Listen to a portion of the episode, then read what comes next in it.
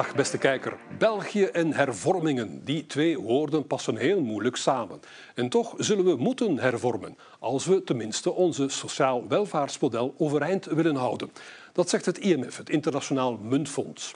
Wat ligt er allemaal op de werkplank en is het haalbaar? Aan wie kunnen we dat beter vragen dan aan Steven van Akkeren, de vice-gouverneur van de Nationale Bank. Een man die dus de cijfers kent, maar ook een gewezen toppoliticus en dus weet hoe het eraan toe gaat in de wedstraat. Steven van Akkeren, welkom. Goeiedag. U bent dus politicus geweest, toppoliticus. Uw hele politieke carrière aflopen zal veel te veel tijd vergen, maar u bent vooral vicepremier geweest eh, van de federale regering tussen 2008 en 2013. Eerst twee jaar als minister van Buitenlandse Zaken, dan twee jaar als minister van Financiën.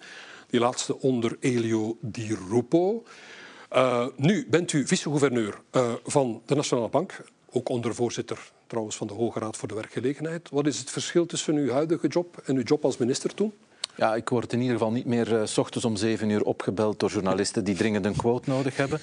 ik heb iets meer tijd, denk ik, om uh, echt goed te studeren. En het klopt natuurlijk, uh, dat is een boetade, maar dat je in de politiek soms wat brandjes moet blussen waarvan je denkt, ja, men is hier aan het opwinden over iets wat niet zo heel belangrijk is, maar ik kan me toch niet permitteren van me daar niet mee bezig te houden. Uh, in de luwte van de Nationale Bank, omringd door bijzonder veel verstandige mensen, heb je iets meer tijd om gewoon in de diepte te werken. Ja, in, in Trends van september uh, zegt u de kwaliteit van het maatschappelijke debat ligt bij ons lager dan in andere democratieën. En dat is niet altijd in het voordeel van de meest serieuze politici. Dus het debat in pakweg Frankrijk en Nederland wordt op een hoger niveau gevoerd? Ja, zoals ik het nu terug hoor, dan klinkt het toch een beetje mopperend. En ik wil helemaal niet beweren dat het elders zoveel beter is. Maar ik denk dat in alle democratieën, maar ook in de Belgische en in de Vlaamse, uh, het debat zodanig gepolariseerd wordt dat als je eens een keer aangeeft dat in een bepaald dossier er beterschap is, dat je meteen klinkt als iemand die het niet au serieus neemt, die het niet belangrijk vindt van er verder in te gaan. Als je een argument van de tegenpartij de moeite waard vindt, dan, dan ben je ineens van kamp aan het veranderen. En dus die polarisering van alle mogelijke onderwerpen uh, is, is soms intellectueel verarmend. Omdat wanneer je het maatschappelijk debat op een hoog pijl wil hebben, dan heb je ook betere politiek. Politiek uh, moet eigenlijk pedagogisch zijn en niet demagogisch. Maar daarvoor heb je de confrontatie van argumenten nodig. En de werkelijkheid is nu eenmaal soms een beetje complex. En journalisten die beginnen te panikeren voor hun kijkers wanneer iemand zegt ik, ik heb een juridisch argument te ontwikkelen. Nee, nee, dat is veel te ingewikkeld voor de kijkers. Ja, ik denk dan soms, maar als het waar is dat er een juridisch argument is waardoor je iets niet kunt doen, geef die man dan toch of die vrouw de kans om dat, om dat uit te drukken en uh, reken erop dat in de huiskamer er heel veel mensen zijn die ook iets willen te weten komen over hoe de werkelijkheid echt in elkaar zit. Einstein zei ooit, je moet de dingen zo simpel als mogelijk uitleggen, maar niet simpeler dan dat. Ja. En soms heb ik het gevoel uh, dat men vraagt aan mensen om de dingen nog simpeler uit te leggen dan ze zijn en dat ja. is niet goed grote nood aan een uh, sereen debat, hoor ik u zeggen. Goed, straks meer over die hervormingen en het sociaal welvaartsmodel van België. We kunnen natuurlijk niet buiten de staatsbon, uh, meneer Van Akker. Federaal Agentschap van de Schuld keert terug, zou ik zeggen, naar business as usual. De staatsbonnen van december, eentje op vijf jaar, eentje op acht jaar, zullen geen fiscaal voordeel hebben, maar dus de gewone roerende voorheffing uh, van 30 procent. Is de vice-gouverneur van de Nationale Bank tevreden dat de kalmte kan terugkeren op de spaarmarkt? Ik weet niet of de kalmte nu terugkeert, maar in ieder geval het opschudden van de markt, uh, een maand of drie geleden, door inderdaad op zeker ogenblik heel doelbewust te zeggen van als de banken niet in beweging komen rond de vergoeding van het spaargeld, uh, dan gaan wij eens een keer een signaal geven. Ja, dat is achter de rug, dat is gebeurd. Ik denk ook wel dat de banken daarmee een beetje hun lesje geleerd hebben en beseft hebben dat er, dat er wel degelijk beweging nodig ja, Er is 22 miljard uh, naar de staatsbond gegaan, grotendeels van de spaarboekjes van de banken die daar niet mee konden lachen. Ik hoorde bij de banken de kritiek, de overheid heeft hier eigenhandig een run on the banks georganiseerd. Dat is ook de reden waarom bijvoorbeeld Pierre Wunsch zei van dit is niet iets wat je om de drie maanden moet gaan herhalen. Ah, ja, dus uh, het was een soort uh, uh, ja, fluitsignaal om te zeggen van wil je eens een keer wat aandacht schenken aan een eerlijke, faire vergoeding voor de, voor de spaarder. je hoeft dat niet iedere keer te herhalen opdat de boodschap zou begrepen worden. Of we daarmee nu vastgesteld hebben dat de banken in de problemen kwamen, ik denk het niet. wij moeten regelmatig stresstesten organiseren. Dat wil zeggen scenario's waarin we nadenken over wat zou er gebeuren wanneer er op zeker ogenblik een evenement is, zouden banken dan in de problemen kunnen komen. Je, je zou kunnen zeggen dat dit een soort live stresstest was. Uh maar dus, en, dus 7,5% van het spaargeld dat verdwijnt van, van het spaarboekje naar een ander product, ja, dat is niet klein. Maar, uh, het is geen ramp. Het is niet iets wat eh, de liquiditeitspositie van de banken duurzaam heeft aangetast. En ik denk dat het eh, in ieder geval zijn, zijn doel heeft bereikt. Dus ik hoor u zeggen, de banken hadden wel degelijk voldoende marge. Uh, ze, kunnen, ze hebben voldoende marge om een hogere spaarrente te geven. Uh, dat is dan een andere kwestie en dat heeft te maken met uh, hoe, wat, is, wat is eigenlijk de, op dit ogenblik de structuur van hun inkomsten en hun uitgaven. Wij stellen toch vast dat de eerste negen maanden van dit jaar uh, de netto interest inkomsten van de banken flink gestegen is ten opzichte van vorig jaar. En inderdaad, wanneer we al, alle marges erbij nemen, rekening houden met bijvoorbeeld het feit dat wij een markt hebben waar, waar er bijzonder veel ontleend wordt door de banken ook op lange termijn. De hypotheekrentes die vast zijn, die, die veranderen ook niet. Eh, daar, daar, gaan de tarieven ook niet omhoog. Maar zelfs als je daar allemaal rekening mee houdt, dan stel je toch wel vast dat er marge was om een nog betere vergoeding te geven voor de spaarder. Als diezelfde spaarder natuurlijk bereid is om aan de bankier te zeggen, luister eens, ik heb dit geld de komende, het komende jaar niet nodig, dan moet je misschien ook als cliënt zeggen, ik wil liever een termijnrekening op een jaar hebben en geef me daar een eerlijke vergoeding bij. De burger moet goed bedenken dat het product wat hij koopt, wanneer hij zegt ik ga mijn geld op een spaarboekje zetten, dan is dat met de garantie dat je bij wijze van spreken daags die centen kunt terugvragen. Ja die uh, flexibiliteit ja, die zorgt er natuurlijk ook voor dat de vergoeding er nooit uh, de vergoeding kan, van kan zijn die we bij, bij de, de, de, de laatste staatsbon hadden, de 2,8 procent. Ja, die haal je natuurlijk niet op je spaarboekje, want je hebt niet beloofd van het een jaar onaangeroerd te laten. Ja, wat de mensen vergelijken de staatsbon met een spaarboekje, maar dat mag je eigenlijk niet doen. Je moet het spaarboekje vergelijken natuurlijk met de, je moet de staatsbon vergelijken met een termijnrekening op één jaar. Precies. De staatsbon daar, van september bedoel ik. Precies. En daar stellen ja. we wel vast dat er beweging is gekomen. Onder andere ook sinds we daarover zijn gaan beginnen communiceren, merk je dat er ook meer geld naar die termijnrekening is gelopen. We zien aan de andere kant ook uh, dat er behoorlijk wat concurrentie is van de banken op het niveau van het ontlenen. Dus wanneer het gaat over hypothecaire kredieten, over kredieten aan uh, uh, bedrijven, dan, dan, merken we toch nog wel dat daar in termen ook van rentebepaling er een, een echte concurrentie aan de gang is. Nu, een argument van de banken is wel de concurrentievervalsing. De overheid heeft in september de roerende voorheffing op de staatsbond gehalveerd. Ja, de banken kunnen de roerende voorheffing op hun beleggingsproducten niet halveren. Ja, ik heb dat argument gehoord en, en natuurlijk, uh, dat klopt een beetje. Uh, aan de andere kant, het is dus een eenmalige waarschuwingssignaal geweest. En het klopt natuurlijk dat als je aan een Belg zegt ik heb hier iets waarmee je belastingen kunt besparen, dan is de, de gemiddelde Belg zelfs bereid om centen uit te geven om minder belasting ja. te kunnen betalen. Dus je kunt inderdaad zeggen dat het een beetje een, een gesubsidieerde uh, aanpak was. Maar het was ook uh, nodig waarschijnlijk om, om te tonen dat er, dat er iets in beweging moest komen. Ja. U hebt het zelf al aangehaald, concurrentie tussen de banken. Uh, op de ontleningsmarkt is die concurrentie uh, hard. Uh, op de markt van die hypothecaire leningen zelfs keihard, laat ik mij zeggen. Het is op de spaarmarkt dat er een gebrek aan concurrentie is, zegt ook de Belgische mededing mededingingsautoriteit. Laten we eens even kijken naar het fragment uit het journaal van het Z-nieuws liever van 9 november. Laat ons beginnen met het goede nieuws. De mededingingsautoriteit heeft geen kartelinbreuken vastgesteld of prijsafspraken tussen de banken kunnen vaststellen. Wel stelt het rapport van de BMA te weinig concurrentie vast tussen de vier grote spelers: Belfius, BNP Paribas Fortis, ING en KBC. Het is duidelijk, de grootbanken vechten vandaag onvoldoende voor het vertrouwen van de spaarder. Les quatre grandes banques belges roulent en peloton. Et il n'y a pas de tentative d'échapper de, de, pour essayer d'attirer plus de clients. Et donc, elles sont aujourd'hui, en fait, dans une situation euh, de confort, euh, assises dans, dans, leur fauteuil. Et ce qu'on veut, euh, c'est faire en sorte que la concurrence fonctionne mieux, fonctionne plus. Ja, u hoort het uh, minister Dermanje zeggen, meneer Van Akker. De banken zitten in een comfortabele zetel. Ja, maar wat hier in dit uh, reportage, kleine reportage niet aan bod komt, is het comfort heeft ook te maken met het feit dat er enorm veel liquiditeit is. En dus ik weet ook wel dat er een verantwoordelijkheid is, onder andere van de Europese Centrale Bank, waar als centrale bank heeft niet, niet vrij uitgaan. Er is de laatste jaren ongelooflijk veel liquiditeit hè, eh, beschikbaar. beschikbaar. De banken hebben liquiditeit genoeg. En dus als je boos bent dat banken niet knokken om spaargeld binnen te krijgen, moet je je eerst afvragen hoe hard hebben ze dat nodig. Hè? Dus, en vandaag is, het, is de realiteit nog altijd. Ik geloof dat de 22 miljard van een paar maanden geleden toch wel een klein effectje heeft gehad.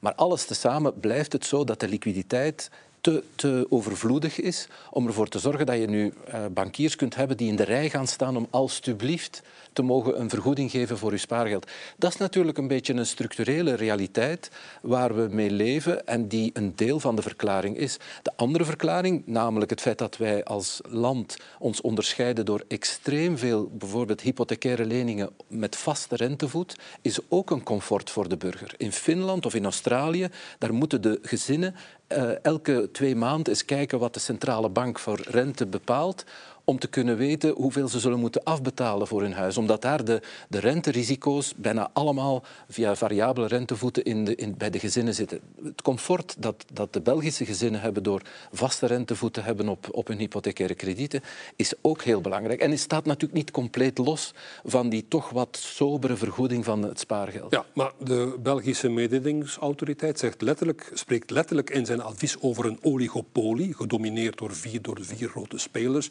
BNP Paribas Fortis, KBC, Belfius, ING hoor ik u dan zeggen, ja, hoor ik u dat argument dan relativeren? Nee, nee, nee. Eh, eh, wat, wat de mededingingsautoriteit schrijft, neem ik ter harte. En ook de voorstellen die ze, die ze beschrijven om te kijken van hoe kunnen we daar nog wat meer peper in krijgen in termen van interne competitie. Dat is denk ik heel wel gekomen. We kunnen over elk van die voorstellen goed nadenken. Het enige wat ik wilde toevoegen aan de reportage is een van de redenen van aanhalingstekens comfort voor bankiers wanneer het gaat over knokken voor spaargeld, is dat ze het niet zo hard nodig hebben dan pakweg uh, zoveel jaar geleden, uh, toen, toen eigenlijk die liquiditeit er nog niet was, toen Mario Draghi nog niet had gezegd whatever it takes. Ja. Een van de voorstellen van eh, de Belgische mededingingsautoriteit om die concurrentie aan te wakkeren is het afschaffen van de getrouwheidspremie mhm. op het spaarboekje. Wat zegt u daarvan? Ja, we zullen ongetwijfeld geconfronteerd worden met voorstellen in dat verband en de Nationale Bank zal daar dan ongetwijfeld een advies over moeten geven. Mijn intuïtieve reactie is de volgende. Dus uh, getrouwheid belonen is natuurlijk een onderdeel van elke commerciële relatie.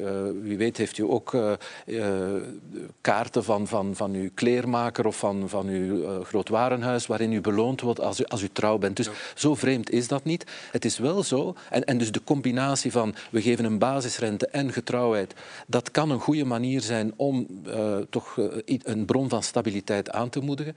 De kwestie is, bij de recente verhogingen van de rente door de ECB is uh, het, uh, het, verhogen van de vergoeding voornamelijk gebeurd langs die getrouwheidspremie. Ja. En heel weinig via de basisrente. En dus je zou een, een, commerciële attitude kunnen gehad hebben waarin dan, dat men een beetje royaler was in de basisrente, maar het behoud van een, een bijkomende vergoeding voor mensen die langer trouw blijven, vind ik op zich nog zo gek niet. Hè. Uh, ja. dat, is, dat is denk ik een deel van, van een normale omgang met, uh, in commerciële relaties. Ja. Nog zoiets is het fiscaal voordeel uh, voor die spaarboeken. Dus op de eerste 980 euro is er geen roerende voorheffing. Alles daarboven is er een 15% roerende voorheffing, maar in plaats van de gebruikelijke 30%. Is dat nog van deze tijd? Het is misschien wel een, een, goed idee om eens na te denken of men die assiette waar men dat voordeel op geeft, of men dat niet kan verbreden. En niet alleen het spaarboekje uh, meenemen. Je zou kunnen inderdaad aan burgers zeggen van wat je kunt verdienen door bijvoorbeeld ook uh, dingen zoals de staatsbon tot aan een bepaald bedrag gaan wij vinden dat we dat vrijstellen. En dan is er iets meer flexibiliteit uh, om, om met je spaargeld naar andere producten te gaan kijken zonder bang te zijn dat je dat extra voordeel kwijtgeraakt. Dus dat is een, een, een zeker te overwegen idee. Algemene conclusie, de staatsbond in september met fiscaal voordeel. Het was uh, mooi, maar het was goed voor één keer, meneer Van Akkeren? We gaan nu eens moeten kijken of de rentevergoedingen, de vergoedingen van het spaargeld van de bankiers, of dat die nu blijvend de trend à la hausse blijven volgen. Uh, als dat gebeurt, dan denk ik goed gespeeld. En als dat niet gebeurt? Dan zullen we toch nog eens opnieuw moeten kijken. En uh, ik denk dat uh, de minister heeft altijd de vrijheid om, om zaken in gang te zetten. Hij heeft getoond een paar maanden geleden dat hij dat durft. En ik neem aan dat hij dat zou durven, mocht het nog eens nodig zijn. Ja, we zullen het moeten afwachten. Nu, de jaarlijkse doorlichting, in oktober was het trouwens, van de Belgische economie door het IMF. Het is geen vrolijke lectuur geworden, uh, meneer Van Akkeren. We zullen onze welvaartsstaat niet in stand kunnen houden als we niet ingrijpen in de pensioenen, in de lage arbeidsmarktparticipatie, in de zwakke productiviteit, in de zware begrotingstekorten, waarvan uh, de Europese Commissie deze week nog eens gezegd heeft hoe zwaar dat begrotingstekort in België zal worden, in de hoge overheidsschuld. U hebt het zelf in Trends gezegd, hè? zonder noodzakelijke hervormingen heeft dit land een probleem. Ja, ik wil vermijden van een paniekerig bericht te sturen. Het is ook zo dat bijvoorbeeld de tesorie uh, van de Belgische overheid door de schuld op een voldoende lange periode uh, te, gaan, te gaan financieren eigenlijk wel wat tijd heeft gekocht voor de Belgische politiek om ingrepen te doen. Maar nu beginnen we toch eh, in de uitdrukking ja, dicht bij 2 voor 12 te komen. Dus het is inderdaad tijd. Men hoeft niks uh, overhaast of paniekerig te doen. Maar die hervormingen die zijn nu echt nodig. Want als de komende vijf jaar er geen beweging in komt, dan zitten we inderdaad met een probleem. En wanneer je bedoelt met een probleem, dan komen wij in het vizier het wezen aan de ene kant van een Europese Commissie, waarvan nog moet afgewacht worden wat zou die dan precies doen. Hè? Zou die dan boetes beginnen opleggen of wat? Hè? We hebben daar een, mm -hmm. een heel parcours van de laatste jaren waarin Europa niet altijd blijk heeft gegeven van heel veel discipline ten aanzien van de lidstaten. Maar erger nog misschien, we komen dan ook in het vizier van de, van de markten. Ja. En dan uh, herbeleven we wat, wat pakweg een dikke, een dikke tien jaar geleden ook uh, gebeurde, wanneer België ineens uh, in, in het oog van de storm terechtkomt. En dan moet je wel in ingrijpen. Uh, we moeten proberen dat te, te vermijden. Nu, als je het berekent, uh, als je dus die, die, die, die inspanning, de begrotingsinspanning die IMF vraagt, berekent, uitrekent in miljarden, dan komt het erop neer dat we tussen 2024 en 2030 30 miljard euro zullen moeten besparen om onze begroting overeind te houden en de vergrijzing te kunnen betalen. 30 miljard euro besparen, is dat haalbaar in België? Ja, als je het zo uitdrukt, dan, uh, dan krijgt iedereen schrik. Uh, het enige wat ik weet wanneer het gaat over heel vele miljarden, dat is als je er op tijd aan begint en je doet een, een, een stukje voorspelbaar de goede richting in, uh, dan stel je heel gauw vast dat op lange termijn dat heel veel miljarden oplevert. Dus het is niet zozeer een kwestie van een of andere big bang en dan ineens iets geweldigs voor elkaar krijgen. Het gaat over op een duurzame manier zien wat moeten wij bijsturen. Uh, en er zijn een paar ingrediënten, zoals bijvoorbeeld, u heeft het genoemd, een hogere participatie aan de arbeidsmarkt, die eigenlijk voor bijna alle problemen die u noemt, een deel van de oplossing is. En dus daarom heb je gewoon het idee van let's just do it, laat het ons gewoon doen. Ja. En je zult zien dat zelfs een bedrag van 30 miljard is overzichtelijk als je dat tenminste niet als een soort uh, unieke, eenmalige uh, inspanning ziet, maar als iets dat op de lange termijn nodig is. Ja, de staatsbond in september, meneer Van Akker, heeft al 22 miljard opgebracht. Dus wij hebben ons ei van Columbus. Hè. Als we er niet geraken, geven we gewoon een nieuwe staatsbond met een fiscaal voordeel uit. Want u zegt het in trends, hè. België heeft een armlastige overheid, maar heeft wel rijke burgers. Maar die rijke burgers die kunnen ervoor zorgen dat als, als de, de horzels van de markten komen, komen kijken, dat we eventjes het signaal kunnen geven, je moet je niet vergissen van vijand, want België heeft inderdaad rijke burgers. Ja. Uh, dat kan u altijd wat tijd kopen. Maar dat je niet in het midden van het peloton of aan de top van het peloton in Europa zit, dat kan toch geen, geen enkele Belg een goed idee vinden. We zitten in een paar opzichten, arbeidsmarktparticipatie, overheidsschuld, pensioenuitgaven straks tegen 2070, telkens bij de laatsten van de klas. Ja. Ik denk dat we de ambitie moeten hebben om terug op te schuiven, minstens naar, een, naar het goede peloton. Ja. Trouwens, het trucje met de arme overheid en de, en de rijke inwoners, dat zal misschien wel niet blijven werken bij de volgende pandemie of bij een nog hogere rentevoet. U zegt daar iets heel juist, want uh, de Nationale Bank, wanneer zij aandringt op consolidatie van de overheidstekorten, dan is dat niet voor het plezier om, om naar nul te gaan. Maar dat is omdat het model dat we tot nu toe gehandhaafd hebben in België, namelijk bij een crisis weten de burgers dat niemand in de steek wordt gelaten en dat de overheid zal tussenkomen. Je moet dat kunnen blijven garanderen. En je hebt dus eigenlijk marge nodig om bij een volgende event, een volgende gebeurtenis, te kunnen zeggen de overheid laat niemand in de steek. Als de overheid op zeker ogenblik niks meer in de zakken heeft om ervoor te zorgen dat die belofte wij laten niemand in de steek er ook echt geloofwaardig gaan komen, dan zit je met een echt probleem. Dus eigenlijk moeten we onze overheidstekorten uh, verminderen om ervoor te zorgen dat we voor een volgende crisis opnieuw zo succesvol kunnen zijn als we de vorige keren zijn geweest. U zegt het, de overheid laat niemand in de steek, maar zal dat lukken? 30 miljard besparen, uh, meneer Van Akker, zal dat lukken? zonder sociale oorlogen, zonder politieke crisissen? Wel, het meeste van wat de Nationale Bank berekent in termen van impact rond dat soort van hervormingen, vertrekt al eens een keer van als we nu eens deden zoals de rest van Europa. Ja. He, dus, en natuurlijk, je kunt altijd voorbeelden geven in de rest van Europa waarbij je zegt, ja, maar dat is toch niet zo wenselijk. Maar wij zeggen dikwijls, wat als we het gemiddelde van Europa haalden, of beter nog, wat als we bij de beste van de klas zaten. En dan stel je vast dat telkens opnieuw het louter optrekken van datgene wat België presteert naar het gemiddelde van Europa ons eigenlijk op koers brengt naar een gezonde situatie. Dat moet mogelijk zijn. En dus met andere woorden, wanneer iets mogelijk is in en ik ga geen enkel land noemen, want dan denkt u dat ik ergens een of andere fan van een of ander land ben. Maar arbeidsmarktparticipatie bijvoorbeeld. Vergelijk ons met de buurlanden en zorg dat je op dat niveau komt. Dat zijn toch geen, geen achterlijke landen. En je stelt ineens vast dat uh, de oplossing zich, zich geleidelijk ontplooit. Ja. Je moet natuurlijk daarvoor op tijd beginnen.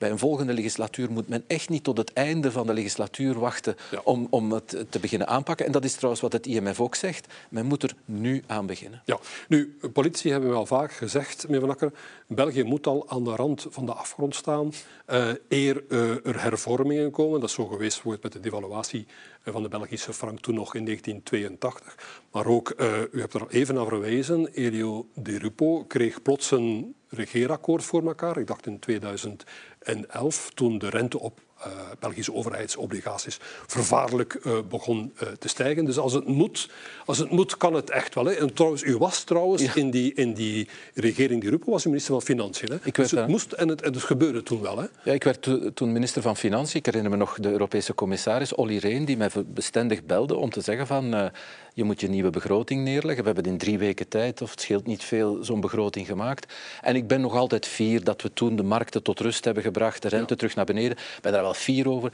Maar als je zegt, ja, met de rug tegen de muur en de neus tegen de, uh, voor de afgrond, dan kan België handelen. Dat is misschien wel waar, maar dan doe je maar net wat nodig is ja. om het grote drama te vermijden. Het is onvoorstelbaar veel efficiënter om te zeggen van hoe gaan we nu eens een keer aan de Belgen de zekerheid geven dat we voor de komende vijf jaar echt gerust kunnen zijn. En die zekerheid bied je alleen maar als je er duurzaam over nadenkt. Ja. Een mooi nieuw sociaal contract maakt, bij wijze van spreken, waarbij iedereen, werkgevers, werknemers, al de, de, het rijke middenveld weet, samen uiteraard met de politiek en de burgers, weten van dit is wat er ons te gebeuren staat, te doen staat. En dan heb je ook veel meer enthousiasme voor zoiets dan, laten we zeggen, aan de noodrem hebben getrokken en daarmee een Olly Rehn in de Europese Commissie tevreden hebben gesteld en de, de, de markten te doen afdruipen en te zeggen van het heeft geen zin om te speculeren tegen België.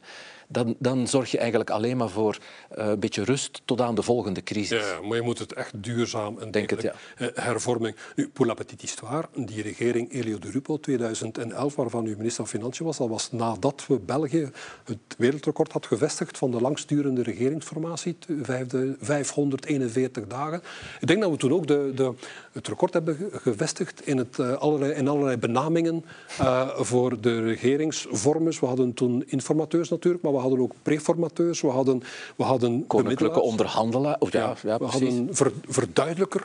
We hadden ook een verduidelijker. Ja. In, in uw tijd kenden de politici, kenden de politici er iets van, hè, meneer? Uh... Ik zat in die regering, die ontslagnemende regering, en ik dacht eigenlijk op dat ogenblik dat ik uit de politiek ging vertrekken. Ah, dat zo? was eigenlijk tot op het laatst min of meer ook aangegeven, net zoals ja. Inge Vervotte en, en, uh, en Leterme dacht ik van oké, dit, is, dit is mijn periode zit erop. Ja. En toen werd ik inderdaad in allerijl nog opgeroepen om uh, naar die regering Di Rupo te stappen. Dat was eigenlijk niet, uh, niet wat ik uh, oorspronkelijk gepland had. Ja. maar dus ook in een ontslagnemende regering is gebleken, kun je heel veel dingen doen.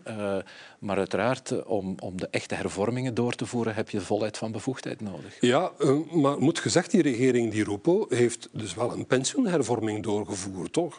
met een verstrenging van het brugpensioen en een verhoging van de minimumleeftijd voor vervroegd pensioen. Hè? Ja, ik denk dat mensen daar ook hoop mogen uithalen. Het gaat nu niet over die Ropo in het bijzonder, maar men zegt dikwijls met de PS, hoe kun je, eh, in Vlaanderen zegt men dat toch, hè, met de PS, hoe kun je daarmee hervormingen doen?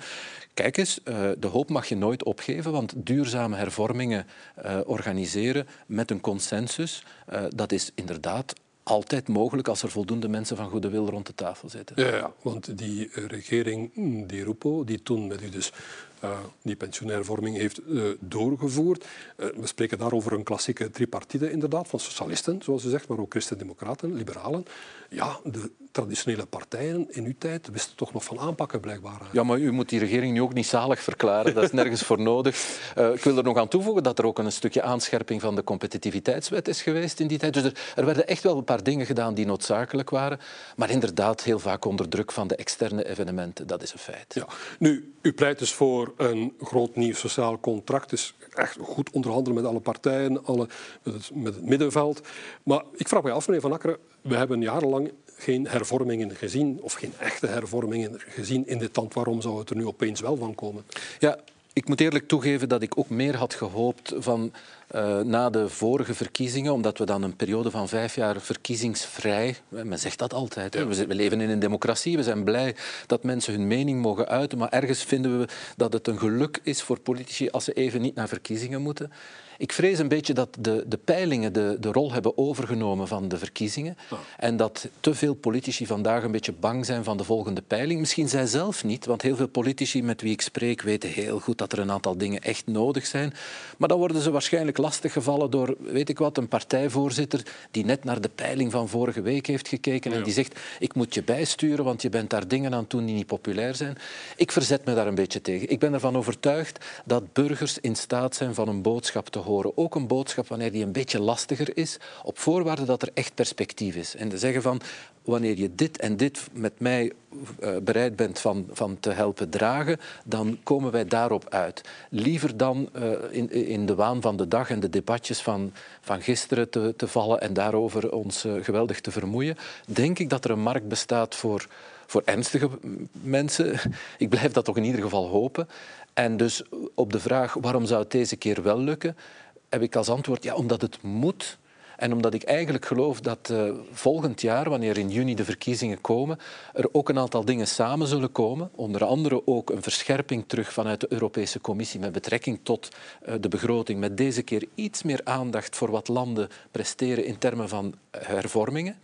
Waardoor ik het gevoel heb dat de sfeer om te zeggen van nu maken we er echt goed werk van, uh, beter zal zijn dan pakweg uh, uh, de afgelopen jaren. Er zit nog vuur in u, hè, meneer Van Akker. u, u, bent trouwens nog niet zo oud. U bent een, een late vijftiger, denkt u. Denk ik, bedoel ik. keert, u nog terug, keert u nog terug naar de politiek? Ik heb ooit eens een keer een, een Herman, en het is niet Herman van Rompuy, uh, tegen mij horen zeggen, ja, als ze mij vragen om minister te worden, dan, uh, dan zou ik nee zeggen. En ik dacht, allee, niemand zal je dat nog vragen. Dus ik vind het al heel gevaarlijk om dat soort van van vragen te antwoorden. Eigenlijk ben ik tevreden met wat ik heb mogen doen in de politiek. Ik kijk daar met, met uh, voldoende dankbaarheid op terug. Maar dat is, een, uh, dat is een hoofdstuk dat afgesloten is. Dat is voorbij. Echt waar? Want als uh, iemand als Joe Biden als een tachtiger Amerikaans president wil worden, dan kan een frisse vijftiger als u toch wel minister van België worden, meneer? Ja, maar als u met Biden begint, dan mag ik echt Herman van Rompuy nog eens opnieuw noemen. want dat is iemand die het misschien... Want die heeft nog nooit gezegd van ik stop er voor altijd mee. Ik heb hem dat toch nog nooit horen zeggen. Ja. nee, ik weet niet of reruns in de politiek nodig zijn. We hebben, ik heb op allerlei plekken waar ik actief ben geweest opvolgers die het echt goed kunnen.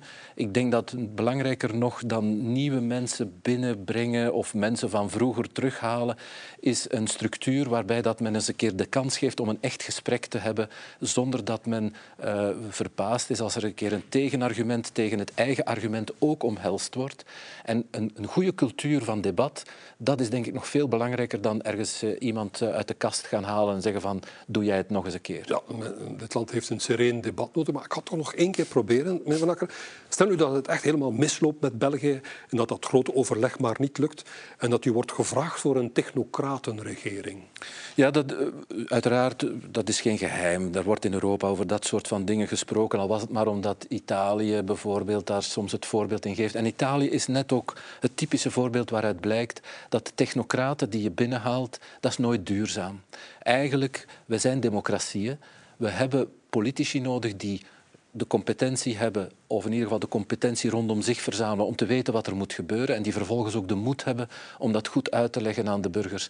En ik denk dat men in een democratie de burgers wat minder moet onderschatten. Men moet af en toe eens een keer aannemen dat mensen wel degelijk moeilijke boodschappen ook kunnen horen. Uh, dus uh, ja, ik geloof eerlijk gezegd niet dat België, heel ingewikkeld land, land met, met heel veel gemeenschappen en gewesten, taalkundig en, en zeer divers, een versnipperd partijlandschap, geen bijkomende complicatie nodig heeft van een, een technocratenregering. Ik denk wel dat we kunnen hopen, en als vertegenwoordiger van de Nationale Bank hoop ik daar ook hartstochtelijk op, uh, dat de adviezen van mensen die, en dat gaat niet over mij, dat gaat over de mensen die samen met, met, uh, met mij in de Nationale Bank die, die rapporten zitten te schrijven, als men daar eens een keer wat vaker naar luisterde en probeerde uit te voeren naar best vermogen en altijd met aandacht voor de sociale aanvaardbaarheid van wat wij voorstellen. Uh, als de politiek daar wat harder naar zou luisteren, dat zou denk ik uh, een, een, een, goede vooruitgang zijn. Laat mij eindigen met een citaat van u uit het interview met Trends. Um, je weet als politicus dat de kiezer je hoe dan ook op een keer beu zal geraken. Dus kan je evengoed meteen goed werk leveren. Doe de dingen die nodig zijn. Misschien is dat wel het probleem, uh, meneer Van Akker, dat politici vandaag te bang zijn om niet herverkozen uh, te worden en daarom te veel dingen doen om de kiezer te paaien en daarom het land niet echt hervormen. Misschien, maar er zijn er ook heel veel goeie. Er zijn er echt heel veel goeie en het is een beetje de opdracht, onder andere van de media, om de goeie voldoende kans te geven om hun verhaal te doen. Uh, ik denk dat als je daarop concentreert. Ik denk eigenlijk dat er nog best wel goede politici bezig zijn. Ze hebben het niet makkelijk. Ik heb, uh, ik heb sympathie voor, voor hun job. Uh, zoals u in het begin van het gesprek vroeg. Ik heb een, een wat makkelijker leven. En het laatste wat ik wil doen is uh, zitten schoonmoederen of lessen geven. Ik zou dat ook niet verdragen als ik in de politiek zat. Uh, ik denk dat zij hun uiterste best doen, maar uh, ik denk wel dat we mogen zeggen, misschien wel zelfs namens een bevolking, we kijken uit naar het vervolg. Want in België zal er inderdaad in de komende jaren echt flink moeten worden aangepakt. Het komt misschien nog wel goed met België. Meneer Van Akker, bedankt voor uw komst naar de studio. Heel graag gedaan. Zo, einde van deze Trendstalk. Volgend weekend iets helemaal anders in Trendstalk. Dan is Katrien de Bolle, de gastdirecteur van Europol. Collega Francisca van Tielen zal met haar spreken over de aanpak van de georganiseerde misdaad. Ik wens u nog een prettig weekend en tot een volgende keer.